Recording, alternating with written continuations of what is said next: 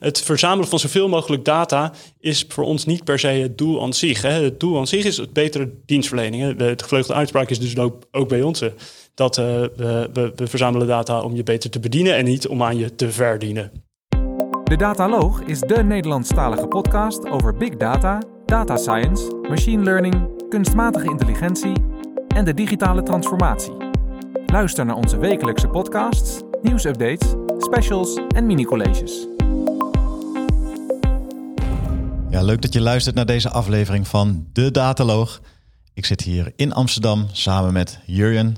Goeiedag, Walter. En dit is wel een uh, hele grote opname, want uh, ja, wij zitten niet bij de NPO, maar de NPO zit bij ons.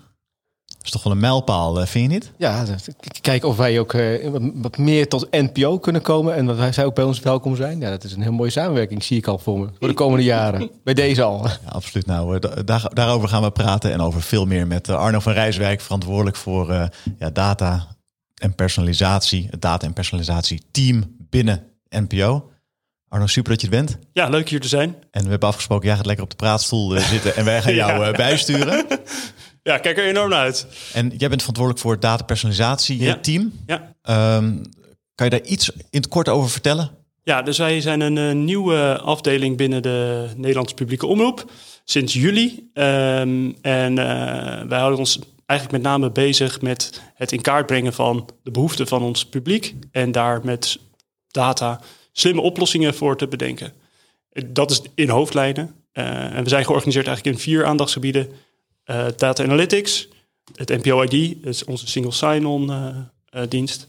En Data Science, waar we onze aanbevelingen en zoekalgoritmes in ontwikkelen. En het metadata. Ja, een heleboel wat je als luisteraar kan verwachten in deze aflevering. En uh, ja, Jur en ik die doen dat vandaag niet alleen, want wij hebben ook een extra gast hier aan tafel. Dat is Anouk Dutré. En jij bent product owner bij Ubiops.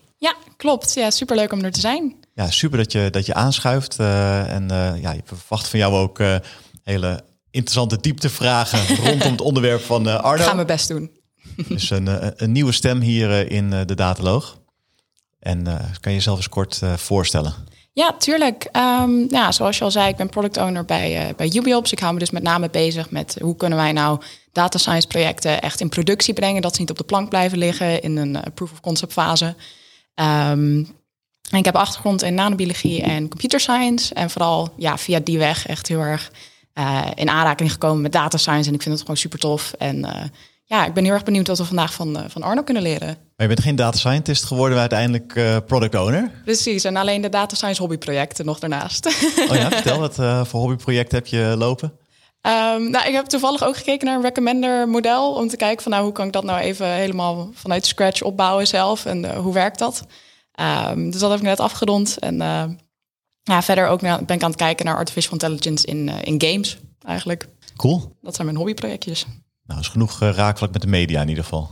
Ik hoop het. Leuk, over naar jou Arno. Ja. Uh, de NPO, iedereen uh, kent het. Uh, een grote speler, misschien wel de grootste speler in het medialandschap in, in Nederland. Maar kan je ons wat meer achtergrond geven over hoe die organisatie opgebouwd is en wat de rol van data is uiteindelijk? Ja, zeker. Het is altijd goed om even te beginnen met hoe werkt de NPO ook alweer. Ik werk bij de Nederlandse Publieke Omroep, dat is eigenlijk de stichting. En um, en anderzijds van de distributie van de content naar de gebruikers. Nou, dat iedereen kent wel, uh, je drukt de televisie aan, je zet, drukt op één en, en de NPO 1 komt, staat aan. Maar dat doen we natuurlijk ook over allerlei online platformen. Zoals NPO Start en NPO Luister, onze nieuwe podcast app. Ook de radio dan ook? De radio ook, ja, zeker. Ja. ja. En jullie werken samen met de omroepen, maar ja. jullie zijn niet een onderdeel van de omroepen. hoe is die verhouding daar, daartussen?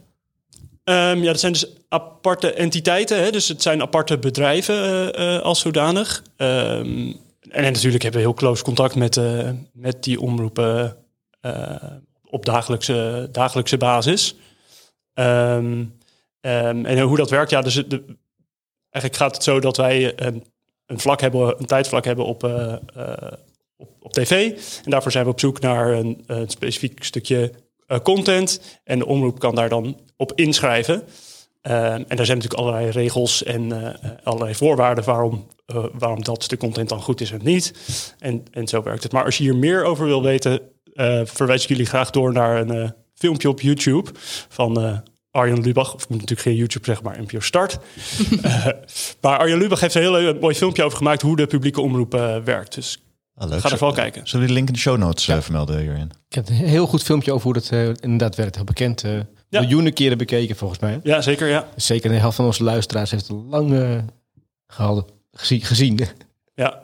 Ja, En, voor maar dan, dan stuur je natuurlijk wel het NPO Start eh, linkje er, eh, er Oh ja, ja natuurlijk. Zeker, gaan we doen. Want de NPO Start, eh, kunnen omroepen daar ook eh, een eh, betere positie verwerven op de een of andere manier? Of eh, bepaalt eh, de NPO wie welke positie krijgt? Ehm, in principe bepalen wij dat. En dat gaat natuurlijk wel in overleg. Eh, Het is meer over hoe het platform is opgebouwd. Hè. Dus we, we, we zijn een verzameling van alle, alle eh, videocontent binnen het publieke bestel. Nou, zeggen, er staat zeven jaar historie eh, aan vast. Dat geeft je ook een beetje het volume dat we aan eh, content, content hebben. Dus het wordt dus op drie kanalen 24-7. Elke dag wordt er content geproduceerd. Dat is een, echt een massive amount aan, aan- content die elke dag beschikbaar komt op het platform. Ehm, en wij brengen die content door middel van curatoren. Dat zijn mensen die contentselecties maken naar de eindgebruiker, maar ook door middel van aanbevelingsalgoritmes. Eh, en daarin proberen we nou ja, in te spelen op de behoeften van, eh, van het publiek. Maar jullie zijn wel een ander type platform dan een Spotify, YouTube, eh, al die platformen die heel graag willen dat je zo lang mogelijk zoveel mogelijk content consumeert, lijkt me. Dat is niet een idee, ideële doel van een stichting NPO. Nee, zeker niet. Nee, nee absoluut. Nee, wij hebben inderdaad een, wij hebben geen winstoogmerk. Hè. Daar begint het denk ik al, daar begint het al mee. En ons doel is dus ook niet, als je dat vergelijkt met commerciële partijen, als inderdaad eh, eh, YouTube, om gebruikers zo lang mogelijk aan zich te binden, zodat ze nou ja, meer advertenties aan je kunnen tonen en daarmee dus hun inkomsten verhogen. Eh, wij hebben, natuurlijk willen we wel heel graag dat mensen naar ons kijken. En, want dan kunnen we onze boodschap ook brengen. Maar wij zijn veel meer bezig met hoe we de Nederlander op een goede manier kunnen informeren. En hem of haar horizon kunnen verbreden. En dat zijn natuurlijk hele andere vraagstukken dan dat je nou ja, eh, algoritmes inzet om eh, kijktijd te optimaliseren. En hoe neem je dat dan eigenlijk mee in je aanbevelingsalgoritme? Ehm, als dan dus niet, je, je optimaliseert ze eigenlijk niet voor nou, hoe lang ze op je platform zitten en hoeveel ze kijken. Dus waar optimaliseer je dan eigenlijk wel naartoe? Wa- Wat we doen is we gebruiken publieke waarden om eh, onze aanbevelingen te optimaliseren. En die publieke waarden, dat zijn eigenlijk, eh, dan moet je denken aan eh, deskundigheid of de informatiedichtheid of de pluriformiteit van de content die wij, die wij op het platform aanbieden. En die publieke waarden die meten we door middel van een survey. En eigenlijk wordt die, dat doen we met een heel groot panel. En die zenden we een survey uit binnen 48 uur van eh, de, dat de uitzending is geweest. En dan vragen we de, hen dus hoe zij bepaalde content hebben ervaren. En daarbij krijgen we een perceptie van wat die publieke waarden zijn. Eh, een belangrijk detail hierin is dat die publieke waarden ook iets zijn waar wij door de overheid op worden afgerekend. Die, die, die, die publieke waarden moeten gemiddeld een 7 scoren om eh, nou, goed bevonden te worden. En hoe groot is dat, dat panel die zo'n onderzoek dan ontvangt? Ja, dat is heel groot uiteindelijk. Het, het is natuurlijk alleen maar degene die naar de daadwerkelijke content hebben gekeken, ontvangen dan ook daadwerkelijk die, eh, die survey. Maar dat is een heel groot, eh, heel groot panel, ja. Zeker. En geldt het voor ehm, wat er eh, gekeken is vanuit de reguliere televisieuitzending? Of geldt het ook voor bijvoorbeeld kijkgedrag op NPO Start of op andere platformen? Ja, dit is met name gestoeld op wat er gekeken wordt op lineair, zoals wij dat dan intern noemen. Ja. Ja, en, en ja, lineair is wat, eh, wat je nu kan kijken als jij televisie aanzet. Als je op één drukt, of Ja. twee, of drie. Ja? Ja, exact, Ja, zeker weten. Absoluut. Ehm, en dan um, om even verder te gaan op jouw eh, vraag. eh, wat, wat doen we daar dan mee? Nou, wat, we, wat, wat ons hierin onderscheidt is denk ik dat wij op zoek ga, zijn naar een soort van sweet spot... waarbij we die publieke waarden gebruiken... naast dat we kijken naar de relevantie van een algoritme. Want eh, mensen moeten het wel relevant vinden om er vervolgens op te klikken en te kijken. En wij kijken een beetje naar wat dan... Het mag een beetje schuren, net even buiten die eerste interesse... of dat de eerste initiële behoefte waarvoor jij bij ons op het platform komt... En daar willen wij dan graag heel, erg, heel graag op inspelen. Nou, dat doen we door allerlei testen te kijken natuurlijk van uh, wat, uh, hoe, kunnen we daar het best op optimaliseren. Nou, we hebben bijvoorbeeld een test gedaan waarbij we heel erg hebben geoptimaliseerd op die publieke waarde. Nou, dan schiet je je doel dus uh, voorbij. Wat zie je dan gebeuren? Nou, dan zie je dus, dus inderdaad, dan zie je dus de relevantie of de kliks of de content die gekeken wordt, die gaat heel erg naar beneden. Dus dan krijg je bijvoorbeeld een aanbeveling als de 5 mei dodenherdenking die jou dan uh, in oktober wordt aanbe aanbevolen. een gek, gek, voorbeeld geven. Maar ja. de, dat, dat soort dingen komen dan voorbij. Nou ja, je kan je voorstellen dat jij... Maar dat heeft dan meer met actualiteit te maken en niet zozeer met jouw interesse.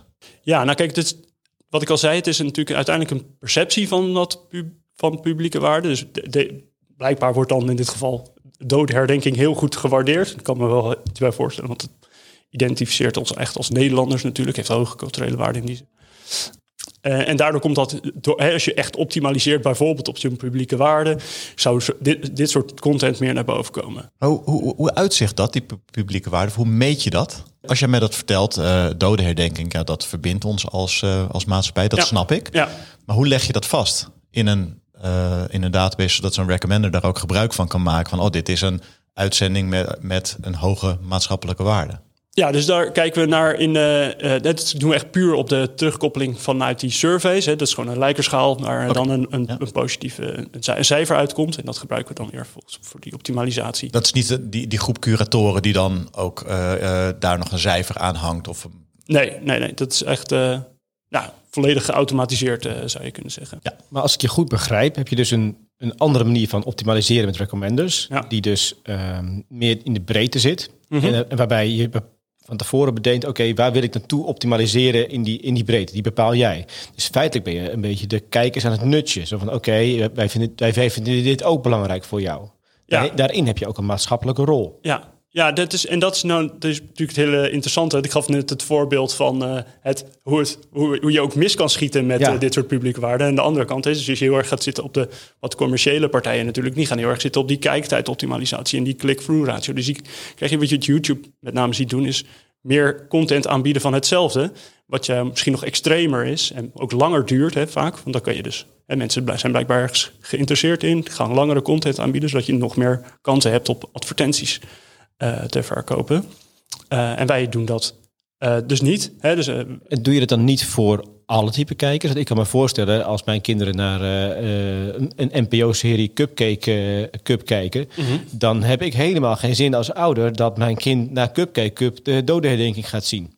Ja, Dan wil ik eigenlijk gewoon hem 3,5 uur achter die Cupcake Cup he- hebben, want dan kan ik in ieder geval eh, even rustig een kopje koffie drinken. Een podcast opnemen. Ja, precies, ja. Dus Ja. hoe, hoe, Nou, dat is wel leuk. Het grappige voorbeeld dat je nu geeft. Want wij hebben, er, we hebben dit nooit in productie gebracht. Maar we hebben daar wel over nagedacht.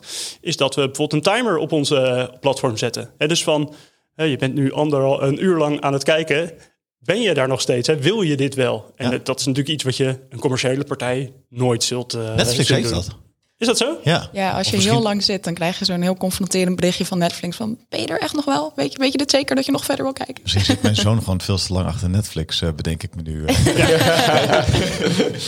Oké, dus we hebben dus een, een, een, een voornamelijk recommenders, denk ik dan. Ja. Die, die, waar je de input data hebt, wat je Ja. uit, die, uit die single sign-on en uit alle vormen van data van jouw mogelijke kijkers kijkt. Ja. Dat is natuurlijk gegeven je, je kijkers is natuurlijk ook nog natuurlijk lastig, want je hebt natuurlijk een, een gezinsaccount met daarin een, een vader, moeder, eh, eh, twee kinderen in ons geval. Ja, Die hebben allemaal een eigen kijkprofielen binnen dat grote geheel. ja, Ehm, op diezelfde smart tv. ja, En daar moet je dus recommenders van maken die Ja. ook nog eens pluriform zijn. ja. Ja, nee, ik zie je kijken. Ja, ja, ik zeg van, hoe, eh, hoe, hoe dan? Ja, hoe dan? Ja. Arno zit er nog wel rustig bij. Die wordt, die wordt niet heel zenuwachtig nu door deze vraag. Nee, ik, dus, er zitten heel veel. eh, wat, wat, wat media zo leuk maakt, is dat het dus iedereen ook eh, aangaat. Jij geeft natuurlijk heel snel alweer een voorbeeld van hoe jij daar in je, met je gezin eh, bij zit.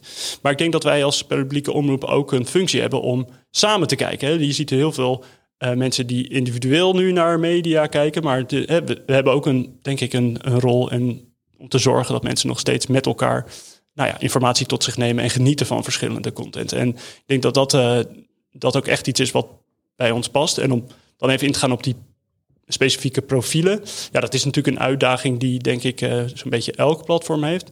Wij zijn wel heel erg aan het kijken van hoe kunnen we zorgen dat we, uh, dat we die profielen wat meer op de voorgrond gaan zetten. Dus dat jij dus inderdaad misschien wel uh, meer individueel op het platform bekend wordt. En is het bij ons nog eens de uitdaging dat we dat niet alleen voor het kijken willen doen, maar eigenlijk ook naar welke content je dan bij ons luistert.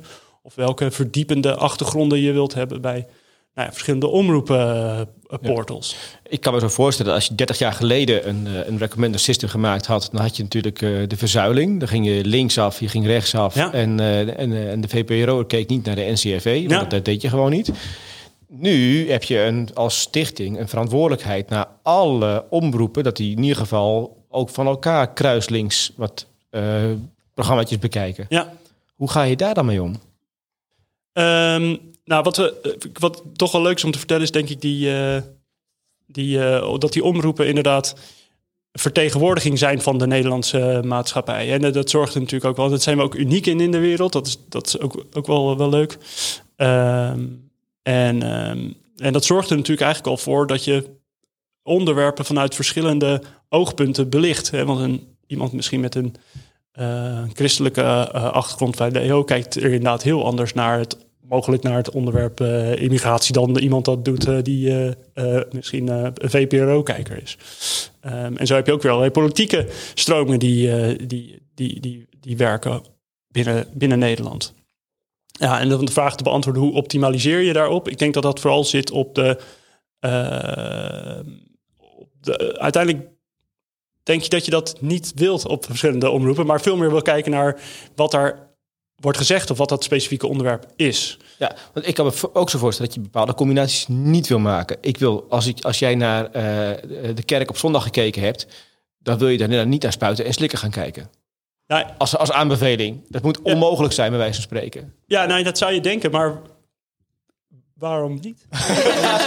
ik zeg het heel voorzichtig. Ja, ja. Ik ga misschien een beetje op, op glad ijs. Maar tegelijkertijd gaat het er natuurlijk om. Het- dat is natuurlijk de hele kern van dat personalisatie. Je wilt mensen eh, juist wel eh, een beetje die horizon verbreden. En misschien is dan dit een heel extreem voorbeeld. Maar misschien eh, zou je die, die, die kerkganger misschien een iets, een iets liberaler standpunt rondom hetzelfde, eh, het, rond hetzelfde onderwerp willen En jij geeft aan van ja, waarom niet? Ja, inderdaad, waarom niet? Ja. Ehm, maar ik verwacht wel dat jullie dan ook eh, het succes daarvan meten, van, van die aanbevelingen. Ja. Ja, succes meet je natuurlijk. Dat is inderdaad heel erg ingewikkeld. Hè? Van hoe doe je dat dan precies? Ehm, en eerlijk gezegd is dit voor ons een enorme zoektocht ook van hoe gaan we daar eh, geraken. En eh, dat doen we ook niet zelf. Daar hebben we samenwerking met het ELSA Lab, AI Media en Democracy eh, Lab. En die helpen ons heel erg om na te denken van hoe, hoe doe je dit dan? Dus we zetten de wetenschap hiervoor in. Daarnaast kijken we ook heel erg naar onze buurlanden. Dus eh, hoe pakt de VRT hier iets eh, dit op, de ZDF, BBC. En kijken ook daarin van, ja, we kampen eigenlijk allemaal met ditzelfde vraagstuk. Hè, en de positie van de publieke omroep in nou ja, het nieuwe media, medialandschap. En wat data voor ons daarin kan doen. En ja, proberen met elkaar eigenlijk die, die zoektocht aan te gaan. Ehm, en dat maakt het overigens ook heel erg leuk om bij ons te werken, denk ik. Want eh, ja, voor sommige bedrijven is het natuurlijk heel obvious dat je, je wil geld verdienen uiteindelijk. En voor ons is dat, is dat helemaal niet zo, eh, niet zo obvious eh, in die zin. En hoe je dat uitdrukt in nou ja, kwantitatieve data uiteindelijk. Ja, Arno, je noemt het ELSA Lab. Ja. Ik kan me voorstellen dat niet iedereen daarmee bekend is. Jullie Nee. werken daar blijkbaar mee samen. Wat is het en kan iedereen daar zo mee samenwerken? Eh, nou, het ELSA Lab is een onderzoekslab dat eh, zich eh, focust op, ehm, eh, op het specifiek gebied van media. En wij werken met hen samen om inderdaad onderzoek te doen naar hoe kunnen we pluriformer gaan aanbevelen. Nou, daar werken wetenschappers aan mee om te kijken van ja, hoe zou je dat dan het beste kunnen doen. En een van die grote vragen dan met name is ja, hoe meet je dan succes en wat is dan succes? Dat is, het is maar een één onderdeel. Hè. We, praten ook veel van hoe de, dat, de framing van algoritmes. Iets wat heel belangrijk is natuurlijk hierin, is van hoe zorg je nou dat je eh, niet betuttelend overkomt, maar dat je mensen uitdaagt in nou ja, weet je, labels rondom, eh, eh, rondom aanbevelingen. Zodat mensen daar ook al naar willen kijken en dat het niet allerlei vragen of eh, vragen oproept bij, bij ons publiek. En wat, wat aanbevelingen betreft, je gevaar, we kijken ook wel over de grens naar ja, wat zijn de best practices, waar zijn de Ja. VRT, ZDF Ja. eh, mee bezig. Ja. Ehm, zou het ook mogelijk zijn dat, dat de content van die buitenlandse publieke omroep meegenomen wordt eh, op NPO Start?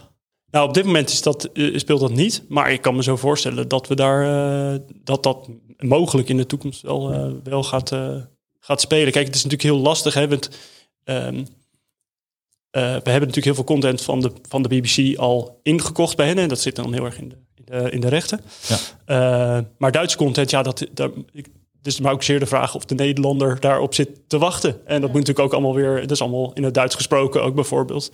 Ehm, en maar voor, eh, voor Belgische content of eh, voor eh Engelstalige content zou dat misschien logischer, logischer zijn. Eh, maar er is niet nu dat we een, zeg maar, een gedeeld platform hebben waarin we samen content naar het publiek proberen te distribueren. Wat mij nog niet helemaal helder is, hè? Mhm. Je wil als NPO optimaliseren naar een breed beeld van de maatschappij. Ja, Dat doe je door jouw platform. Maar jouw platform is één van de platforms. Ja. Dus als, mijn, als ik als kijker klaar ben door de aanbeveling die je krijgt met NPO, Mhm. dan kan ik ook uit NPO stappen ja, en naar de commerciële gaan en daar iets veel minder pluriforms kijken dan dat jij aanbevolen hebt. ja. Dus, als je, dus hoe ga je daarmee om? Dat je denkt, ja, maar ik wil je het liefst nog wel behouden binnen het platform, ja. maar wel zo pluriform mogelijk. ja. En, en want je weet namelijk ook niet wanneer mensen stoppen met jou kijken. Met eh, kijken naar NPO. Want je weet, je weet niet of jij dan plotseling, of ik dan plotseling op de commerciële aan het kijken ben. Of op, op YouTube of Netflix. Nee, nee dat, eh, dat klopt. Ehm, ja, en dat is precies waar we het over hadden met die, met die sweet spot. Hè. Je wil inderdaad toch wel kijkers aan je binden. Want hè, als, je, als ze niks kijken of niks luisteren, ja, dan kun je je boodschap ook niet, eh, niet overbrengen. Hè, tegelijkertijd denk ik ook alleen al dat het tonen van de rijkheid van onze content, dus de tegeltjes die je bijvoorbeeld ziet op het platform, dat dat aan zich al aangeeft van op wat voor platform je eh, je begeeft. En dat dat ook al iets doet met het imago van nou ja, het, het, de, platformen die wij, eh, eh, die wij hebben. Dat is al een interventie. Het, eh, alleen het tonen aan zich zou je al kunnen zien als een, eh, als een soort interventie aan zich. Ja, zeker.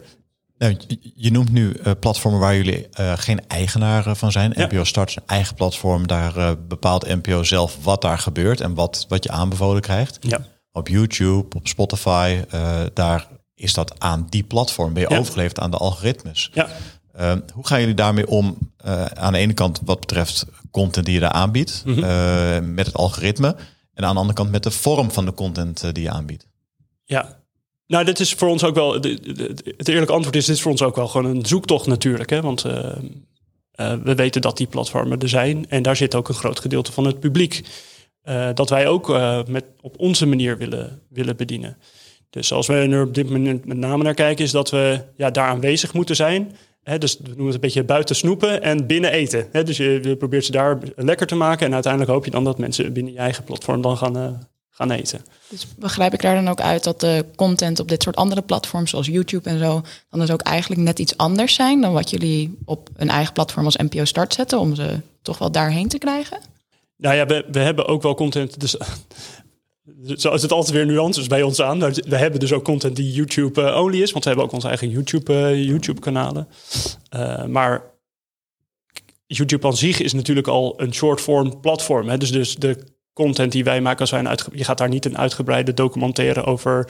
eh vierdelige documentaire over Afghanistan op eh, eh, als NPO zetten. Nee, dat is echt iets wat je binnen onze... eh, eh, binnen NPO Start zou willen, willen bekijken. Eh, maar je kan je wel voorstellen dat er op YouTube iets van een kort filmpje zou komen te staan die eh, jou lekker maakt om vervolgens die achtergrondinformatie over, eh, Ja. over Afghanistan bij ons te komen kijken. Dat zijn natuurlijk, en dat is een beetje iets waar we nu heel erg mee aan het, eh, nou ja, aan het, aan het kijken zijn. Hoe kunnen we dat dan voor ons, voor ons gebruiken?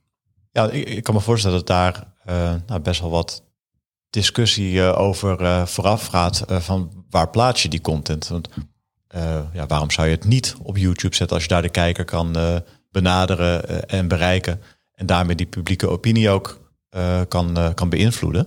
Ja, dus wat ik zeg, dit is voor ons ook echt een, een zoektocht hoe we dit, hoe, hoe dit goed moeten, ja. moeten, moeten aanpakken. Ja, dat landschap en, verandert zo snel. Ja, nee, zeker. Daar hebben we natuurlijk allerlei hele slimme mensen voor binnen ons bedrijf... die nou ja, content-expert zijn en daar heel goed over nadenken... om dat nou, zo goed mogelijk te doen. Ja, wat contentcreatie betreft, zijn er ook veranderingen in, in de markt? Mm Vroeger werd dat met de hand gedaan. We hebben toevallig van de week voorbereidend gesprek gehad met Media Perspectives. En die vertelde van er zijn allerlei proeven ook waarbij we bijvoorbeeld automatisch thumbnails voor, ja. Uh, voor afleveringen laten genereren. En kijken van mhm. wat past nou het beste. Ja. Maar we hebben ook te maken met technieken die het mogelijk maken om automatisch content te genereren. Ja. Uh, eh, GPT-3 die dat met tekst doet. Deepfake die dat zelfs met videobeelden uh, doet. Wat voor invloed heeft dat op jullie?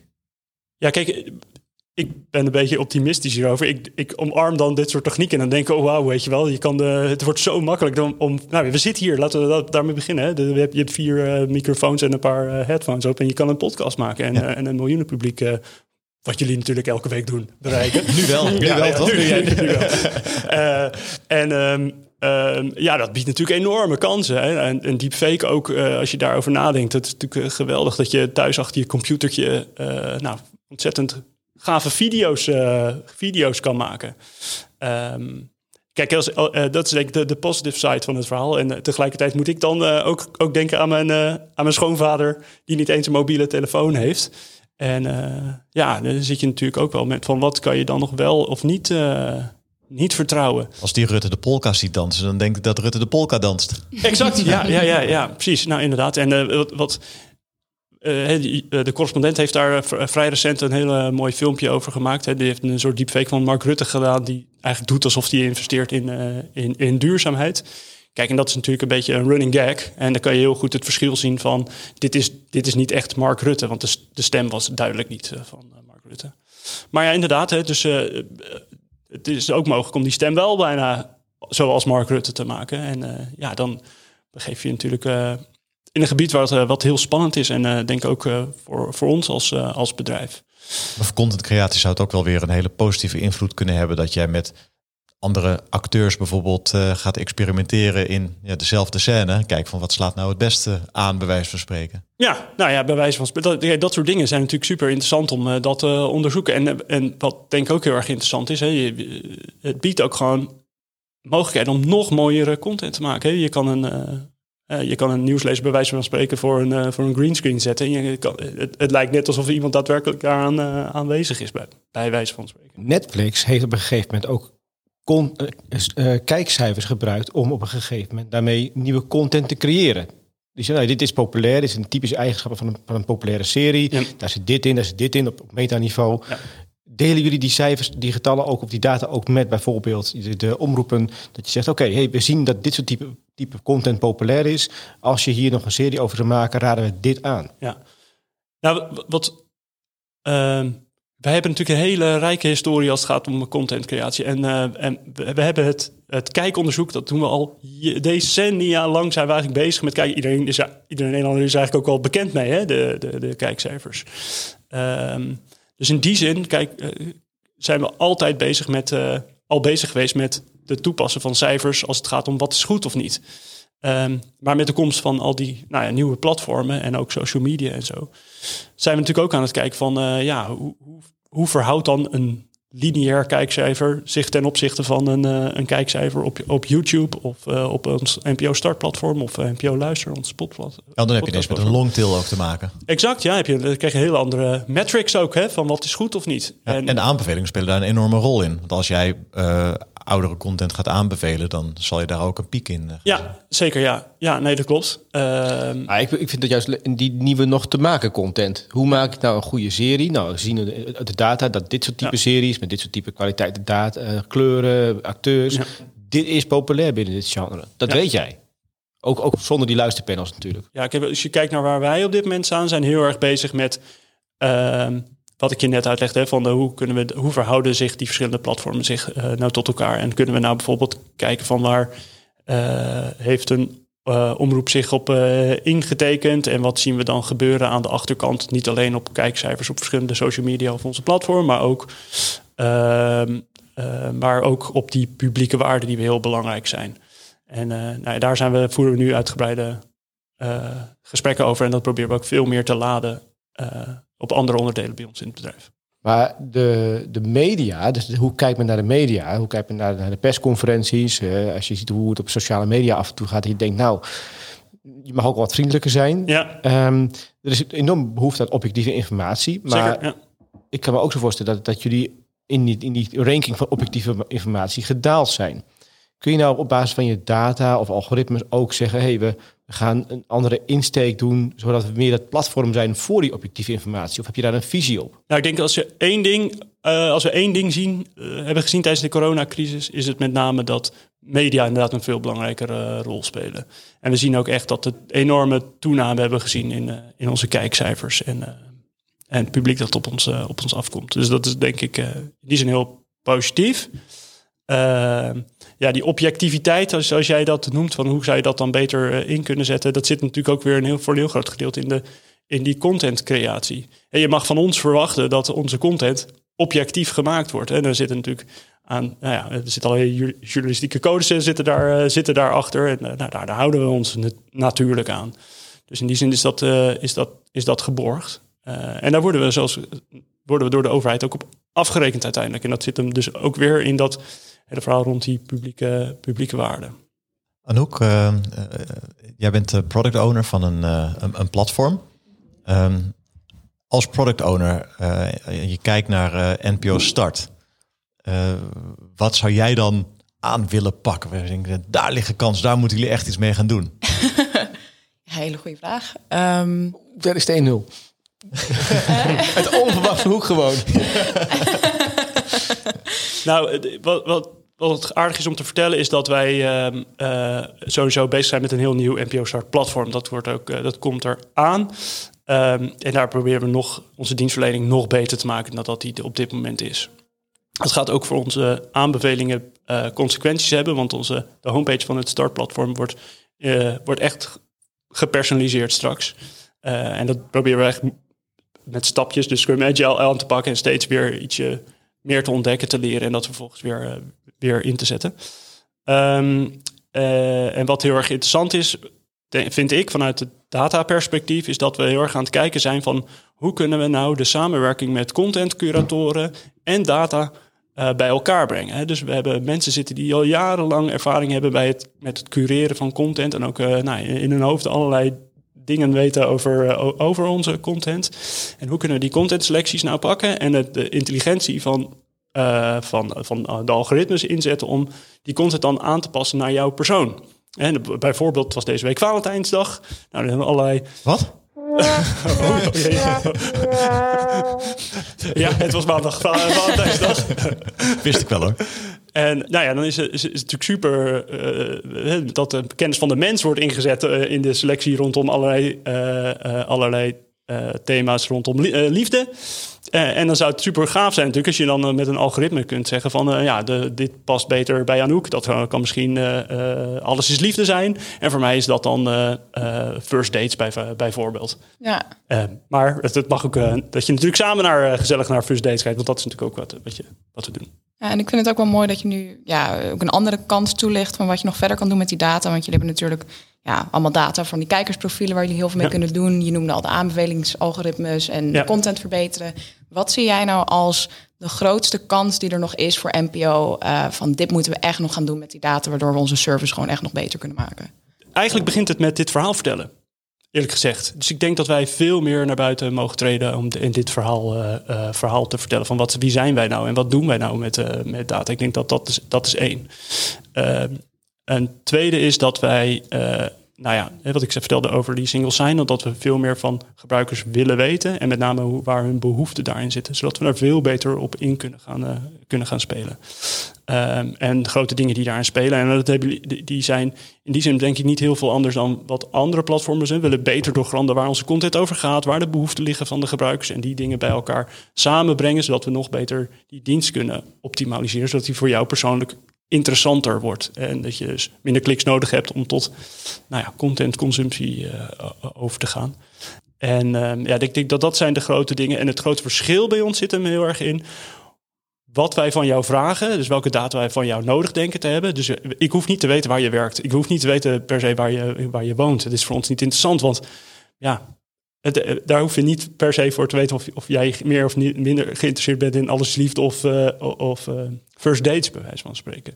Terwijl dat voor commerciële is. Dat is niet regiogebonden. Dat is niet.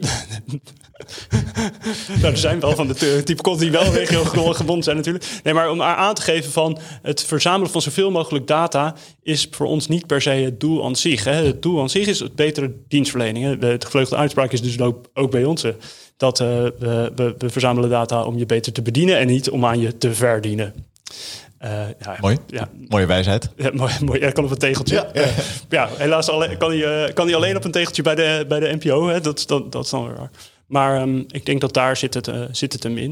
Um, ja, en dus privacy en, en dat, soort, dat soort ontwikkelingen zijn ook echt dingen die wij ja, hoog in het vaandel hebben zitten. En ik denk dat je die ook van ons mag verwachten. Um, ik wil eigenlijk ook nog wel even wat vragen over jullie technologie-stack. Ja? want we hebben nu heel veel gehad over ja, wat jullie allemaal met die data doen... En wat jullie daarmee hopen te bereiken. Ja. Um, maar hoe maken jullie eigenlijk keuzes in jullie stack om dat voor elkaar te krijgen? Ja, wij hebben niet zulke diepe zakken als uh, de grote commerciële uh, partijen. Dus wij moeten daar heel erg slim in zijn. Van wat doen we wel, wat doen we zelf, wat besteden we uit? Dat is zo'n zo'n vraag die altijd bij overheidsinstanties uh, speelt. En uh, eigenlijk focussen, focussen wij met name op services die, uh, nou ja, PaaS-achtige, paasachtige services die je eigenlijk van de plank kunt trekken en waar je zo min mogelijk onderhoud aan hebt en dat je zoveel mogelijk kunt focussen op, op de ontwikkeling zelf. Maar in die zin vergelijkbaar met wat commerciële organisaties ook doen. Ja, het ligt er denk ik een beetje aan welke commerciële uh, organisaties. Ik denk dat Google er weer heel anders in staat dan, dan een RTL, uh, RTL bijvoorbeeld.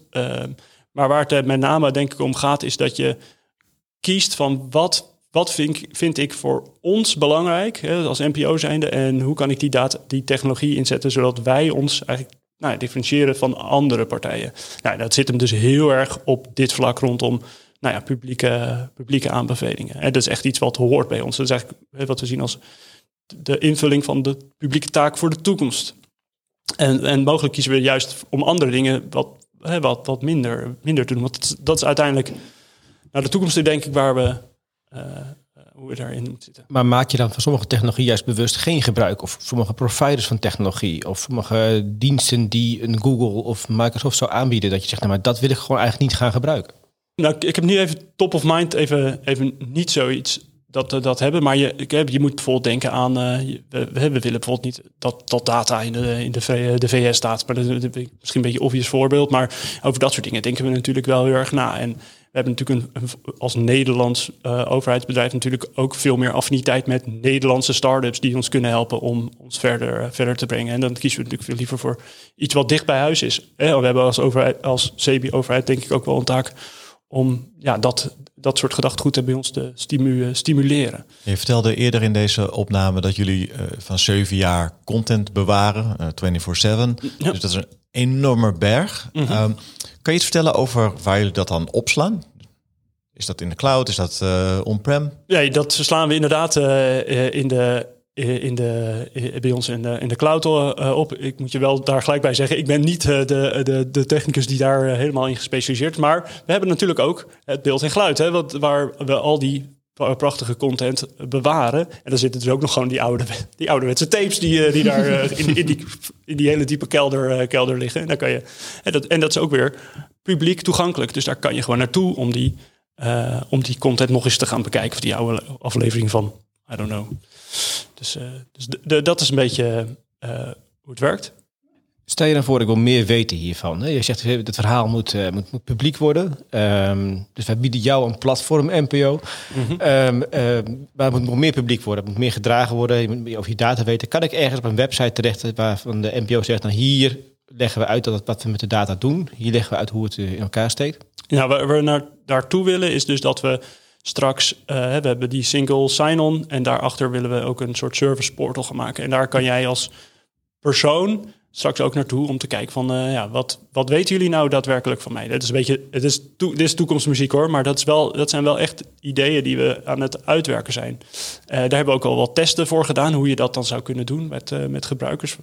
En daar, eerlijk gezegd, komen daar best wel wisselende eh, wisselende reacties op. Je kan je voorstellen dat uh, Jurjen is daar natuurlijk heel erg in geïnteresseerd, want uh, die, die vindt, het, vindt het maar wat gaaf.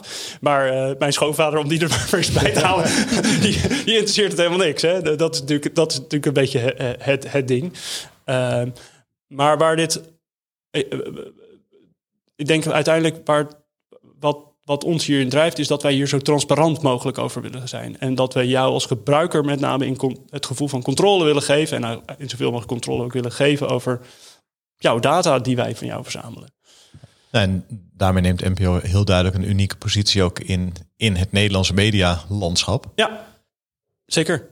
Ja, fantastisch dat je daar uh, in deze opname eh, inzicht in hebt uh, kunnen geven. En uh, ja, heel fijn als wij ook een bijdrage kunnen leveren aan het verhaal van NPO en daarmee ook ja, uh, het belang nog beter uh, aantonen. Ja. Anouk, nog uh, nabranders van jou? Um, ja, ik had nog één kleine vraag nog. Um, ook omdat je aangaf van ja, dat jullie zo transparant willen zijn met welke mm -hmm. data jullie vergaren. Mm -hmm. Ik kan me voorstellen dat het ergens best wel lastig is dat voor sommige mensen dat het best wel confronterend kan zijn om te zien hoeveel data er over ze is. Omdat er andere organisaties zijn die niet zo transparant hierin zijn. Hoe gaan jullie daar dan mee om, zowel nog gerust ja, te stellen. Ja, je bedoelt, het zou kunnen backfire in principe. Ja, een soort van, het is heel goed dat jullie het doen. Ik denk ook zeker dat jullie moeten doen. Ja. Maar hoe ga je dan ermee om om ze nog wel gerust te stellen erin van dit is echt het enige waarvoor, waar wij jullie data voor gebruiken. En het is alleen maar om jullie beter ja, te Het is relevant wat we doen. Ja, ja kijk, en daar, daar komen we weer op dat ding van wat de toekomst. En waarom zei ik als eerste ook van dat we het verhaal gewoon heel erg moeten gaan vertellen en uh, moeten Ja. laden, denk ik, in de maatschappij. En de, uh, dat, wij, dat je ons daarin kunt vertrouwen en dat we daar een andere weg kiezen dan anderen uh, dat doen. Daar, daar, daar begint het uh, denk ik uh, heel, erg, heel erg mee. Ehm, ja, en hè, dus als we die transparantie, daar zijn we natuurlijk ook heel erg in zoekende van hoe doen we dat dan goed. Hè? Want inderdaad, je wilt dat, dat wil je natuurlijk dit is precies wat je niet wil bereiken, maar dat je je doel voorbij streeft. Maar ja, daar zijn we, daar zijn we gewoon heel erg, heel erg zoekende, zoekende in. Ja, en uh, daarin zijn de intenties zijn ook ja, puur daarin. Uh, dus je kan in principe gewoon ja. transparant zijn. Ja, inderdaad. Nee, ja, dat, daar mag je bij ons zeker van uitgaan. De, de intenties zijn altijd puur. Uh, wat ik, ik zei net al, die gevleugelde uitspraak. We willen gebruiken data om aan je, je beter te bedienen en niet om aan je te verdienen. Nou, dat, is, dat, dat is echt iets wat we nou ja, bij wijze van spreken in koeienletters bij ons op de muur zou kunnen staan. Fantastisch. Arno, dankjewel voor uh, het delen van je input. De Ja. vinger gaat omhoog. Ja, ik wil één, één, Ja. één, één dingetje toe, toevoegen. Ehm, namelijk, ehm, nou, nou, het eerst, allereerst natuurlijk leuk dat ik hier eh, mijn verhaal heb mogen doen. En ehm, nou, mochten er nou luisteraars zijn die zeg- zeggen van... eh, ik vind het zo'n gaaf verhaal, ik zou er meer van willen weten. Of ik, ik denk dat ik een steentje kan bijdragen aan jullie, eh, jullie missie. Ja, laat het dan eh, vooral eh, weten en kom bij, mij, eh, kom bij mij in de lucht. Want ja, we kunnen ook hierin eh, hulp gebruiken. Ja, het is goed dat je daarover begint, want je, jullie zoeken mensen. Wij, wij, zoeken, wij zoeken mensen, zeker weten, ja. Ja, ze waren er bijna uitgegaan zonder dat eh, Arno de belangrijkste boodschap van de hele opname nog kon eh, delen. Nou, nee, de, bela- de belangrijkste boodschap blijft, eh, blijft denk ik ons verhaal. Hè, van wat doen we nou en hoe Ja, ja, zitten ja, we ja, nee, dat gaan we- dat- Maar Maar wat waar voor maar we mensen zoeken mensen. Ja, wat voor mensen. Nou, we- wat voor mensen zoeken we dan? We zoeken eh, machine learning engineers. We zoeken in- eigenlijk technische mensen over de volledige breedte. hè. Ik vertelde iets over het startplatform dat we aan het maken zijn. Dat zijn we voor een groot gedeelte in-house aan het ontwikkelen. Daar zijn we mensen op, op, eh, zoeken we naar mensen, maar met name machine learning engineers die willen nadenken eh, over puzzels zoals, eh, zoals ik die net heb uitgelegd. Hè, waar het misschien niet zo obvious is, waar winstbejag, misschien- of het doel misschien niet zo obvious is als, als bij andere Het partijen. moet een fantastische plek zijn om als machine learning engineer aan de slag te kunnen gaan. Dus als je een linkje hebt naar de rolbeschrijving, dan zetten we die met alle plezier in de show notes. Zeker weten, gaan we doen. Bedankt voor het luisteren naar deze uitzending van de Dataloog. Vond je onze podcast leuk, goed, interessant of wellicht te veel ene en nullen? Laat een review achter of geef thumbs up. Heb je vragen of opmerkingen? Kijk dan ook eens op www.dedataloog.nl. Hier staan ook de show notes van alle uitzendingen. Je vindt onze nieuwe uitzendingen wekelijks op iTunes, Stitcher, Spotify en alle andere bekende podcastplatforms. Alles wat wij maken doen we onder Creative Commons. Je mag alles hergebruiken voor niet-commerciële doeleinden, zolang je ons als bron maar noemt.